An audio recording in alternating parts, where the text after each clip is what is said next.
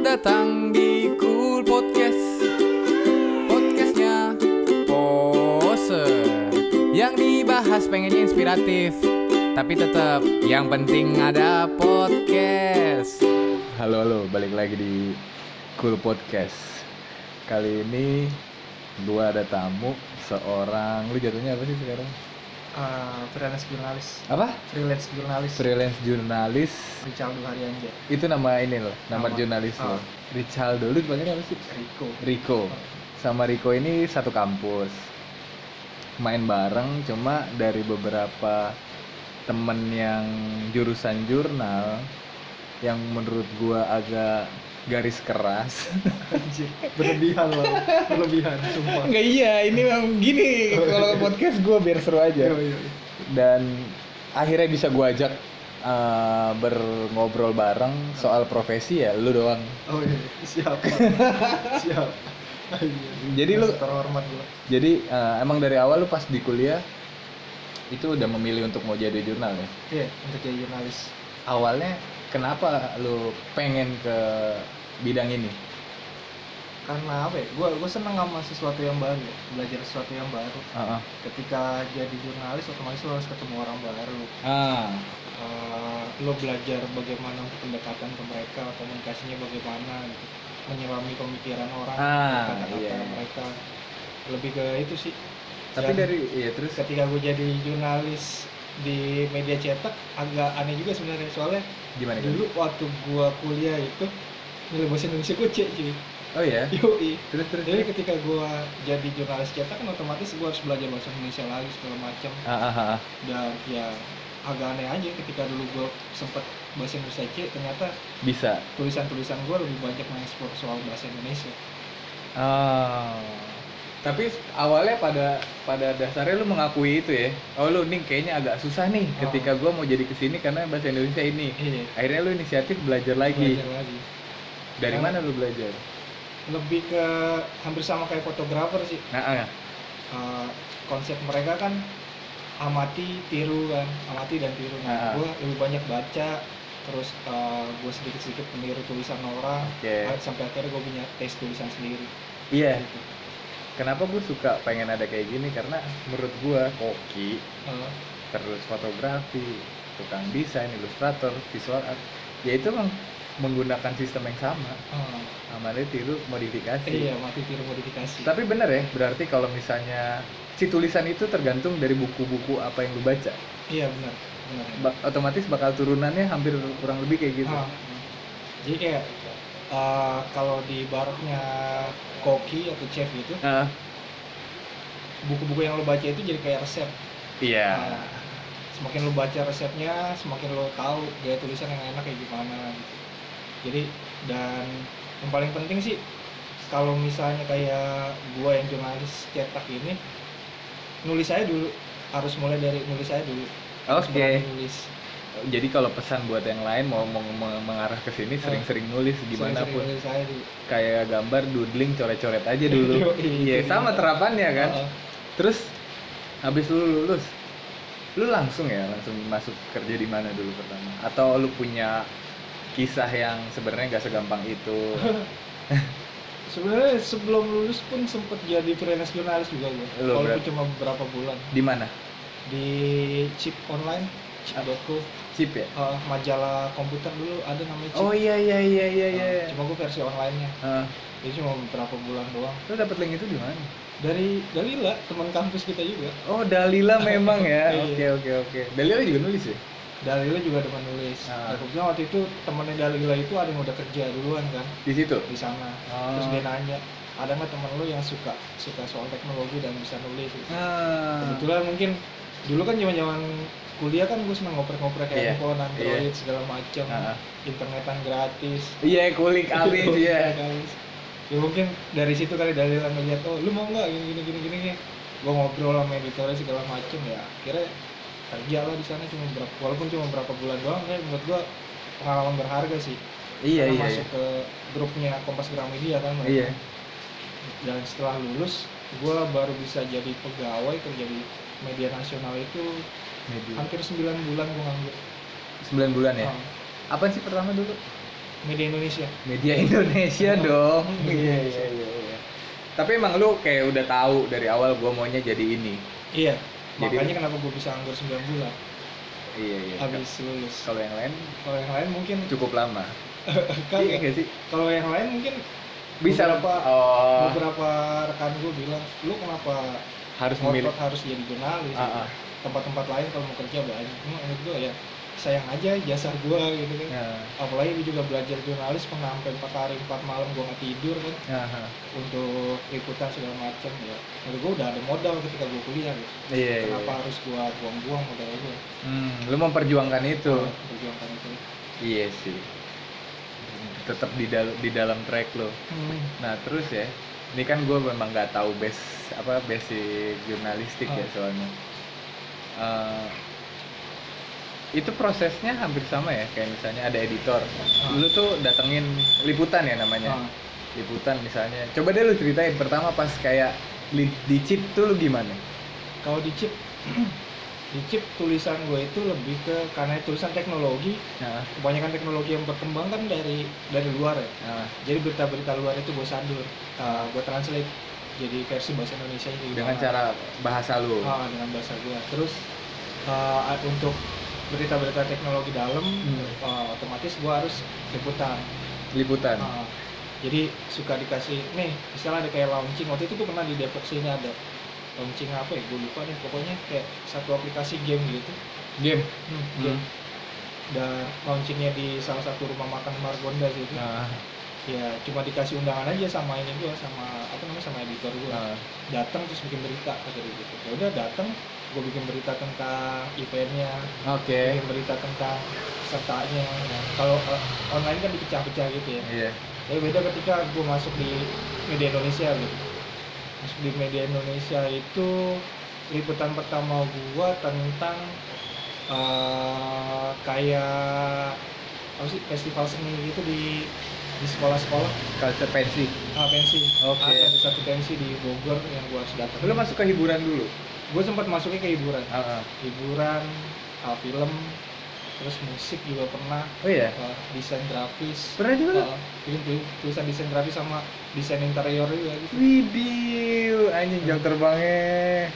dan ya ya gitu kebanyakan kalau misalnya di di koran karena kita sifatnya berita baru terbit setelah kejadian gitu kan satu hari setelah kejadian otomatis lo harus bikin sesuatu yang beda daripada yang yang mungkin bisa ditangkap sama media-media online gitu Oke. bukan berita yang soal kejadiannya gitu Ah, tapi sisi lainnya dari kejadiannya misalkan. misalnya kan kayak pensi kemarin tuh Hmm.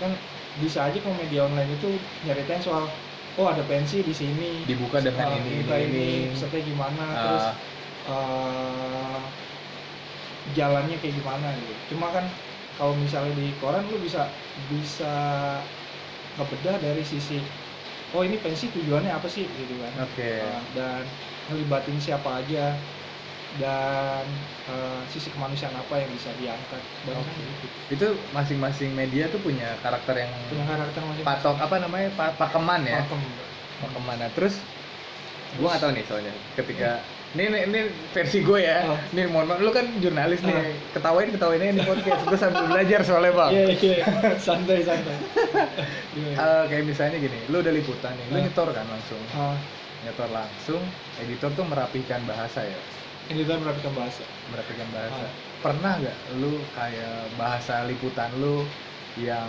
apaan nih gitu, nggak bisa masuk nih sama kayak gini-gini gitu? oh pernah lah Pernah? Ah, itu lebih ke kepentok sama sama idealisme kantor. Idealisme kantor. Ah, jadi kan tiap tiap tiap Antara idealis penulis dan idealisme kantor itu kan suka suka bentrok juga. Iya iyalah terus terus? Jadi kayak setiap media massa itu punya punya apa ya? Kayak, kayak punya pandangan sendiri punya tujuan sendiri. Punya gaya punya sendiri. gaya ideologi sendiri. Ah, dan kadang eh, karena media kita itu terutama media nasional ya media lokal nah. itu udah lebih ke industri pers sih bukan pers murni Pers Jadi, apa? bukan pers murni Pers murni oke. jadi kalau misalnya udah masuk industri kan otomatis uh, ngomongin profit segala Profit. macam Iya.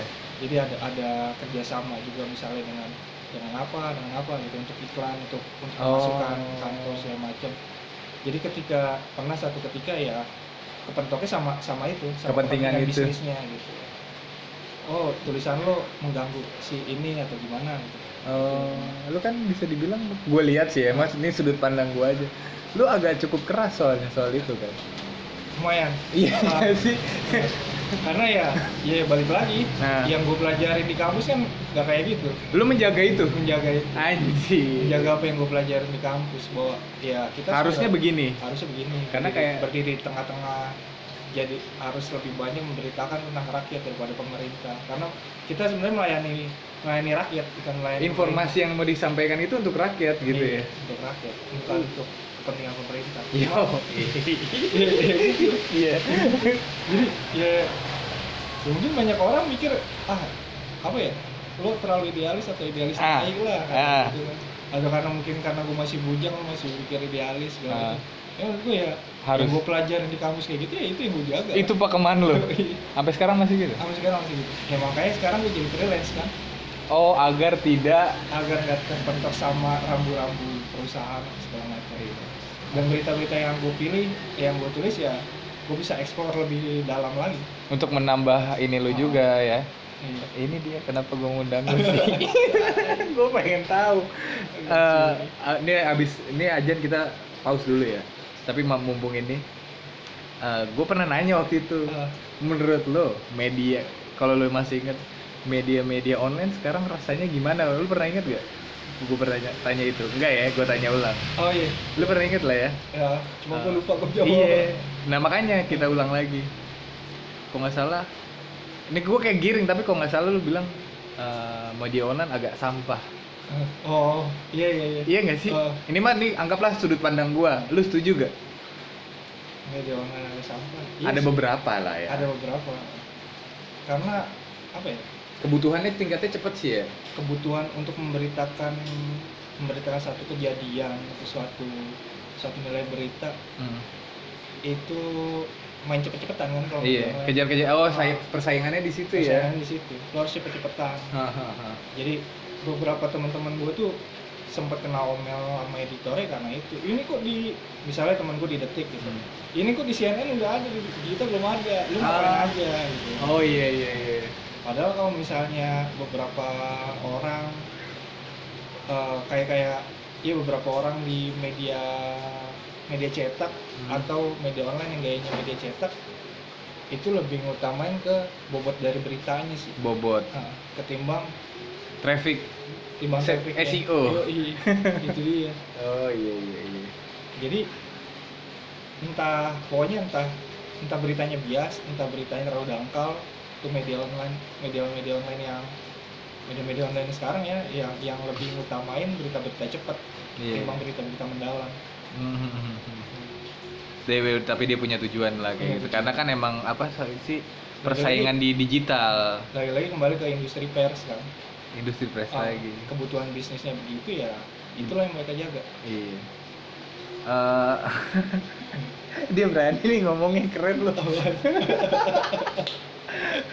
apa ya gue sampai bingung. Tapi gue begini nih masih kaku gitu. Apa lagi yang harus diangkat? Kayak tapi ternyata dengan keidealisan lu, lu akhirnya jebol tuh ya di 9 bulan ke media Indonesia. media Indonesia walaupun S- eh, sambil walaupun apa tadi?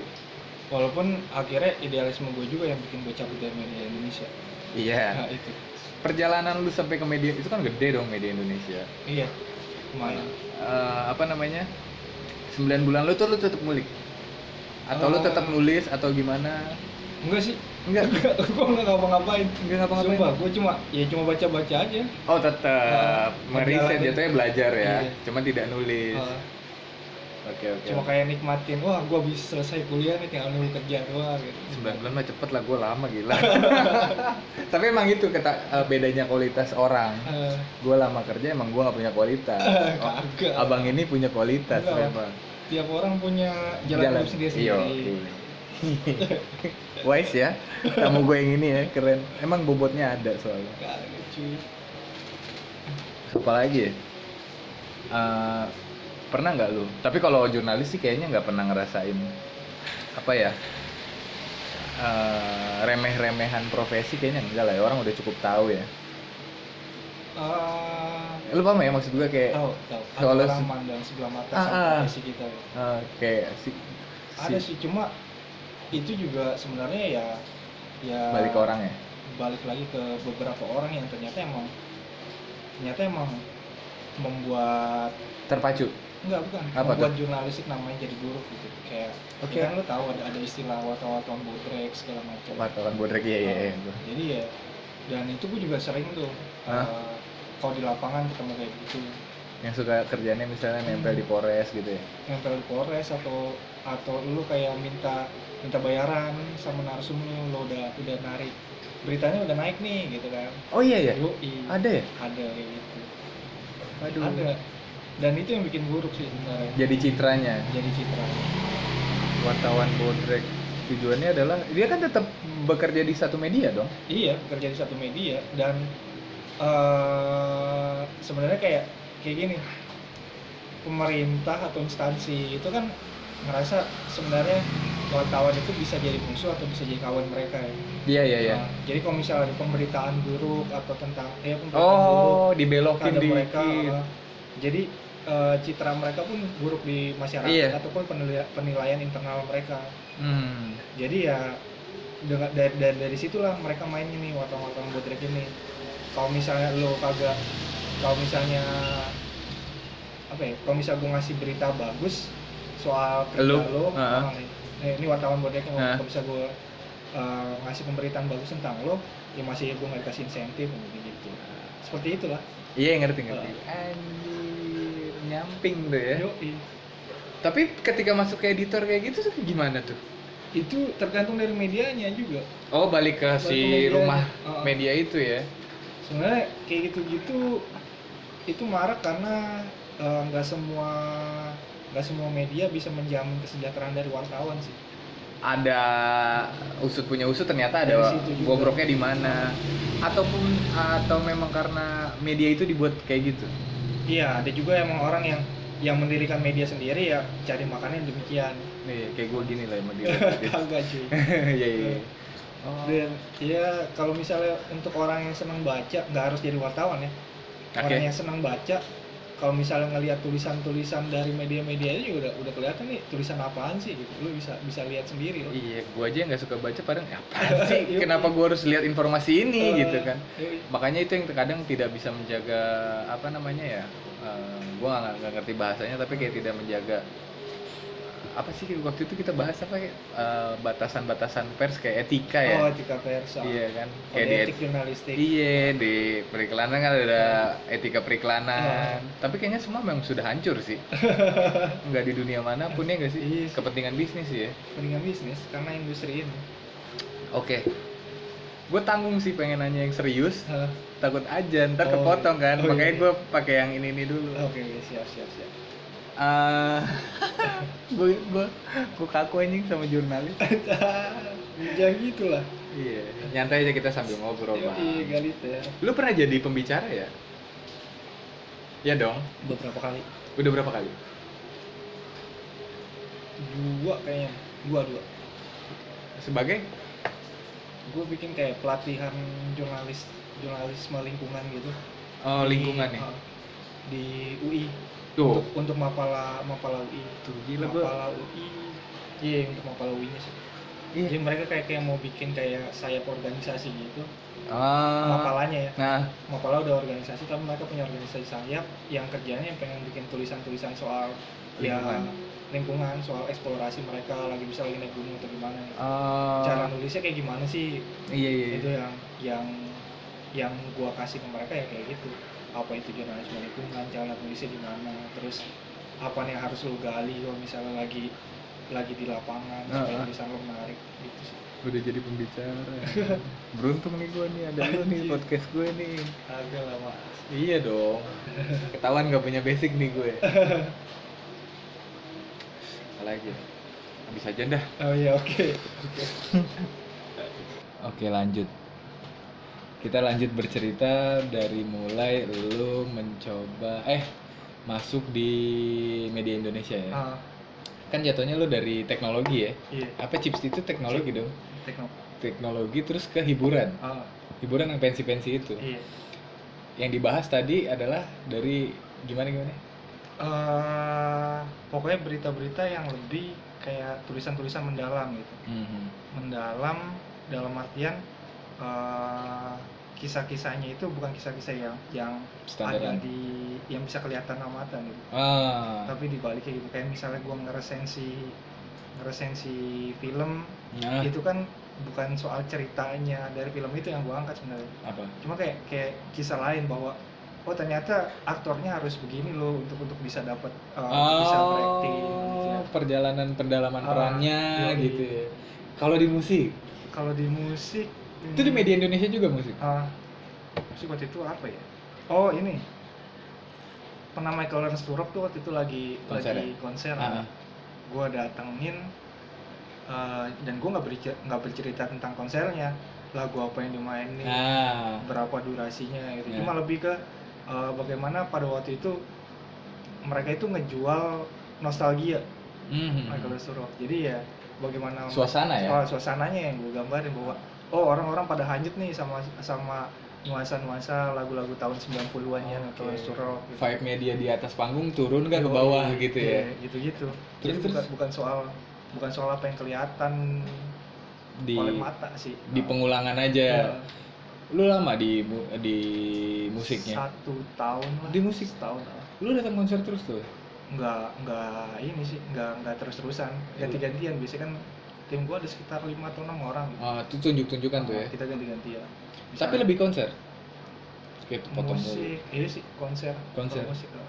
oh dan yang gue suka itu kalau misalnya nulis soal nah, pada waktu itu juga ada ada ada lingkungan tapi bukan lingkungan soal newsnya ya tapi Hmm. lebih ke ya tadi cerita cerita di balik dari newsnya itu kayak misalnya gue pernah ke lokasi kebakaran tahun 2000 berapa? 2015 ah itu dan lokasi itu pernah didatengin juga sama Presiden Jokowi waktu itu. Jadi eh, masyarakat di sana punya punya masalah sama ya ada ada konflik lah sama sama perusahaan biasa kan. Oke. Eh, di di konflik-konflik di hutan kan begitu masyarakat dan perusahaan. Dan mereka itu masyarakat yang masih mengandalkan sagu hmm. sebagai komoditas utama mereka. Iya di dalam satu pulau tuh itu pulau di kepulauan Riau. Riau ya? Ha, dan ya- yang gue tulis bahwa ya gimana mereka menjaga kearifan lokalnya. Oke. Bukan konfliknya sama perusahaan atau gimana. Cuma bagaimana sagu ini bisa mengangkat uh, nilai kehidupan masyarakat di situ sih. Mhm. bagaimana mereka menjaga sagu dan ancaman mereka sebenarnya kayak gimana. Oke dari hiburan Ah. terus film. Ya hiburan lah awalnya. Hiburan kan luas tuh. Ha. terus jadi ke lingkungan tuh lu memang suka atau memang terdorong? Sebenarnya kalau misal di media massa itu kan ada sistem namanya rollingan ya? Rolling Ah. peran lah istilahnya. Iya. Rolling tugas dan ketika gue dari hiburan ini segala macem pindah ke uh, namanya desk kita nyebutnya desk Iya. Uh, kayak section gitu. Nah masuk ke section di mana gue harus nulis soal berita-berita humanis di situ ada ada berita-berita sosial pendidikan sama lingkungan. Iya. Dan kebetulan gue diplotnya di lingkungan tuh berita-berita news ya harian soal lingkungan. Nah nah gue nggak tahu kenapa ngerasa lebih bisa explore di sana kan di lingkungan. Walaupun bisa dibilang ini kecemplung. Ah. Iya. buat udah lu- Rollingan oh, itu. oh, rollingan. Lo tempat gue tempatin di sini ya. Oke. Lo tempel menterinya lo lo main-main sama NGO lingkungan segala Oh, macem lo kenalan sama isunya segala macem ya. Ah. Atau mungkin karena karena dulu pas gue SMA gue dari IPA kali ya makanya gue demen oh iya oh iya iya ngomongin lingkungan berarti ngomongin soal sains juga oke oke Nah, oke ngomongin soal dampak ke masyarakatnya gimana gitu. Ah. dan ya gitu gue jadi bisa lebih bereksplorasi di sana walaupun di lingkungan itu eh, beberapa kali sempat yang gue bilang eh, ada bentrok idealisme sama Iya. sama kantor. Lah itu pembangunan ya lebih ke situ. Hah? pembangunan dong jatuhnya. Pembangunan gimana maksudnya kayak misalnya lu lihat dampak dari daerah ini Hmm. rusaknya karena pembangunan ini. Oh iya. Iya bisa, gak sih? bisa karena pembangunan Atau bisa karena pabrik. aktivitas yang di sana. Iya dampak-dampak itu ya. Ah, dan apa namanya? Hancur ah hancur. Kerusakannya itu kebanyakan gitu. Yang banyak kan begitu. Oh tapi lu akhirnya menemukan nih Eh, rumah lah kasar. Yo. iya nggak sih? Iya iya. Gue lebih concern di sana. Lebih concern di sana. Oh ternyata ini yang cocok sama gue Iya. bla bla bla di gitu. semua lingkungan. Asik sih. Jadi kayak apa ya? Karena di lingkungan ini kan lu bergaul juga sama pemikiran-pemikiran orang-orang akademisi ya. Oke. Orang akademisi itu kan pikirannya ya terlalu konseptual dan nggak praktis gitu. Ya jadi ada tantangan tersendiri gimana konsep-konsep besar itu Mm-mm. Itu bisa gue bahasakan supaya masyarakat bisa ngerti gitu. Penyampaian oke. Penyampaiannya gitu.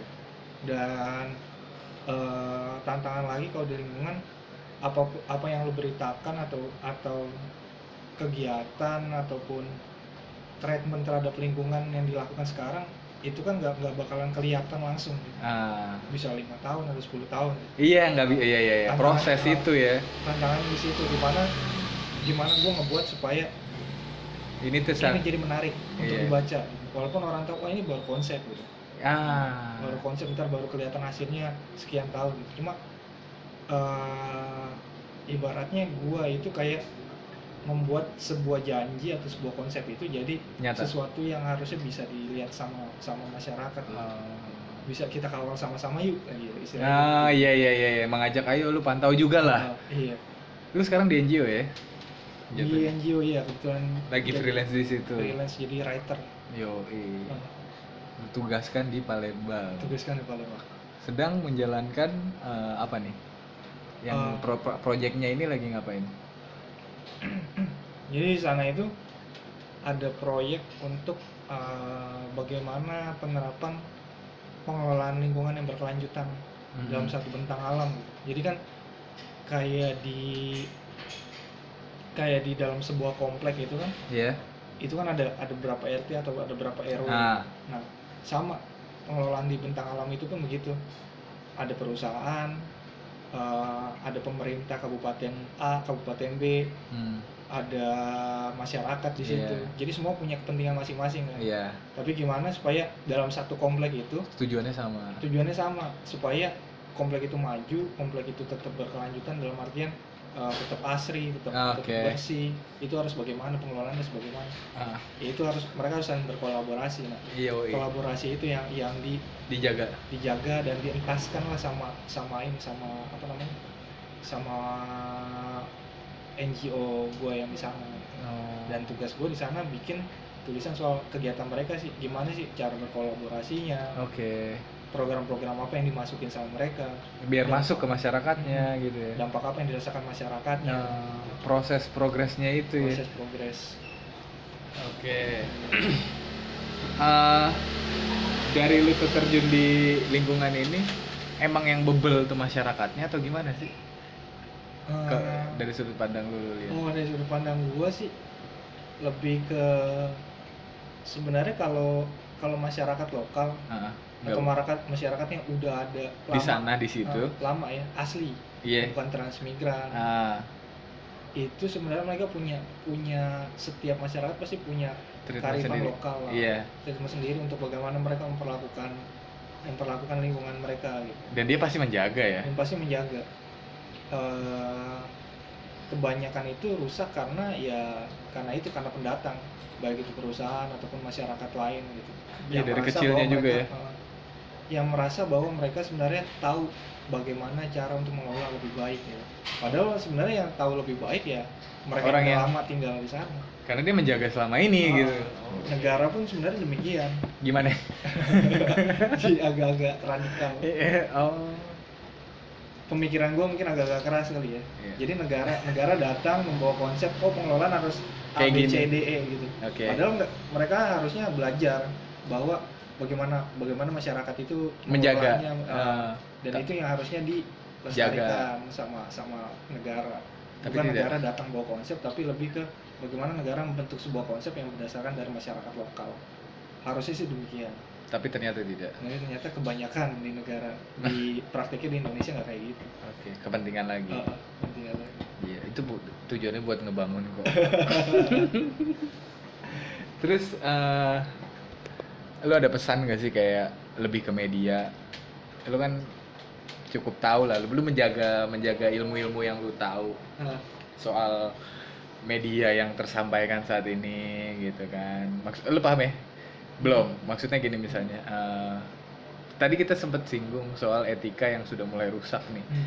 dari etika pers atau apa Eh, itu balik lagi ke kebutuhan orang yang kerja ya sama Hmm. media itu ternyata ya Iya. untuk menanggulanginya orang-orang yang membacanya Ah. karena lu udah bocorin sudah Oh. separah itu Oh iya.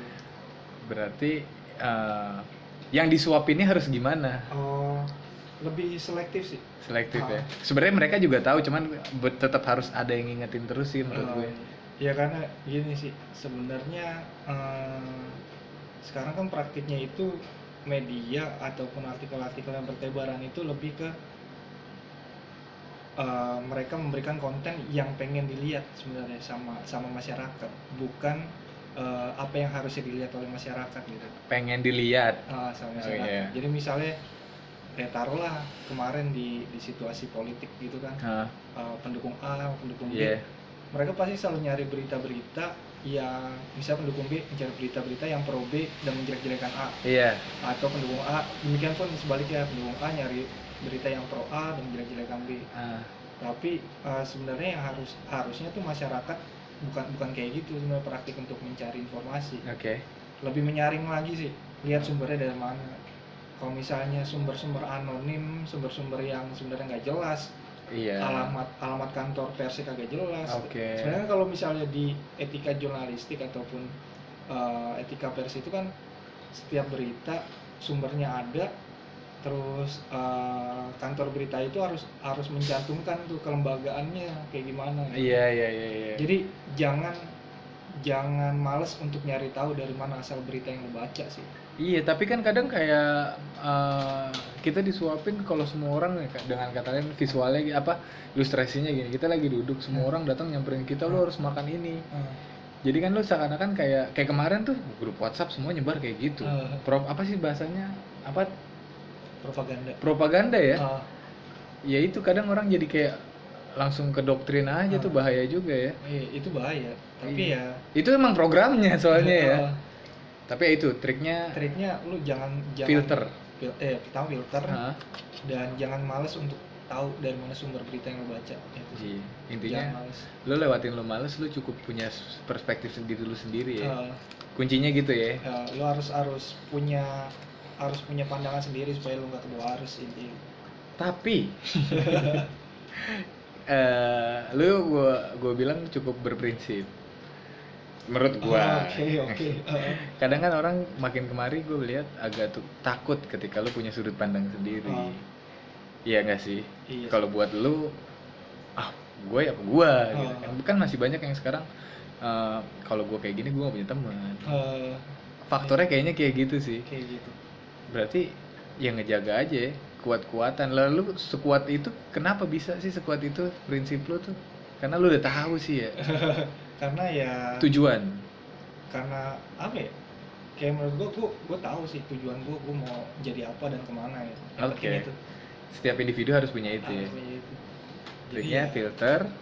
filter jangan males untuk cari tahu dari mana sumber berita atau informasi yang lo baca. Beda dikit nggak apa-apa lah ya dari lingkungan lo gitu ya. Iya tapi kalau nggak kuat jangan. beda. Jangan malu untuk bisa apa ya? Punya sudut pandang sendiri. Punya untuk punya sudut pandang sendiri. Iya. Jangan takut untuk stand alone lah. Yo. Tenlon tadi gue mau bahas apa lagi ya? Tak gue lupa, sampai lupa nih. Eh, ya itu kan buat ini tak tak tak tak tak best untuk generasi-generasi jurnalis muda dan adik-adikan lu lah. Eh, Lu ada pesan gak nih? Kalau yang pengen lu sampaikan bukan berarti lu menggurui ya di sini, Oh. cuman kan perjalanan lu cukup panjang. Mungkin lu mau berbagi gitu. eh, lebih ke ini aja sih terapin aja apa yang lo pelajarin di kampus Itu best ya. itu yang paling baik maksudnya basicnya tuh ya Ah, karena nanti ketika walaupun ada yang bilang nanti ah pelajaran di kampus semua nggak kepake emang pada pada praktiknya apa yang kita pelajarin di kampus itu beda sama dunia kerja. Iya banyak kan gitu kan. Cuma eh, ya lu tahu mana yang mana Baik. praktik yang bagus lah istilahnya gitu. Iya. Nggak usah takut. Nah itu tadi balik lagi kuncinya itu sih nggak usah takut. Terus kalau mau mulai nulis nulis ya biasain nulis aja sejelek Biasain apa pun nulis. kan belajar ya. Ah, Iya juga sih. harus berani untuk mulai. Yo, mulai aja dulu. Mulai aja dulu masalah salah atau gimana kan bisa diperbaiki di jalan Iya, akhirnya lu tahu ya. Oh, Ah. kemarin kok gue jelek banget Ah. gitu. ya. Lingkungan NGO udah jadi pembicara buat lingkungan. Bang Belum. Riko. belum mas Hah? belum Perjalanan belum tujuan tujuan puncak lu belum ya? belum belum Masih, panjang. Tapi mau bikin buku ini ya. mau bikin buku Rencanakan, Rencanakan. gue doain ya. doain aja Lu pantau Instagram lu. eh lu oke gini. Eh, biasanya orang mendengar podcast Hah?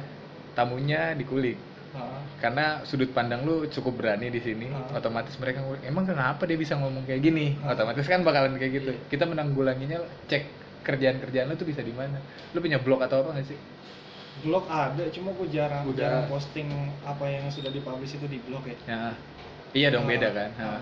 Cuma kalau misalnya lo mau cari cari kerjaan-kerjaan gua ya coba aja eh, Cari nama lu.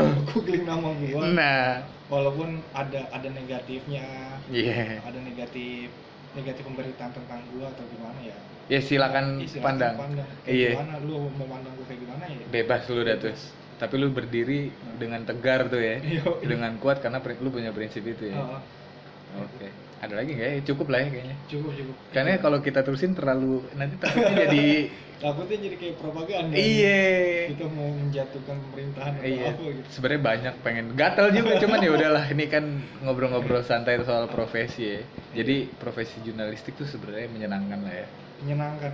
Ketika ya ketika lu tahu di, uh, apa yang lu perjuangkan itu menyenangkan. Iya paling enggak lu tahu dulu lu arah lu mau ke mana. Sejak dini ya. Yoi. udah kita tutup ya. Yoi. ada lagi nggak? Udah ya?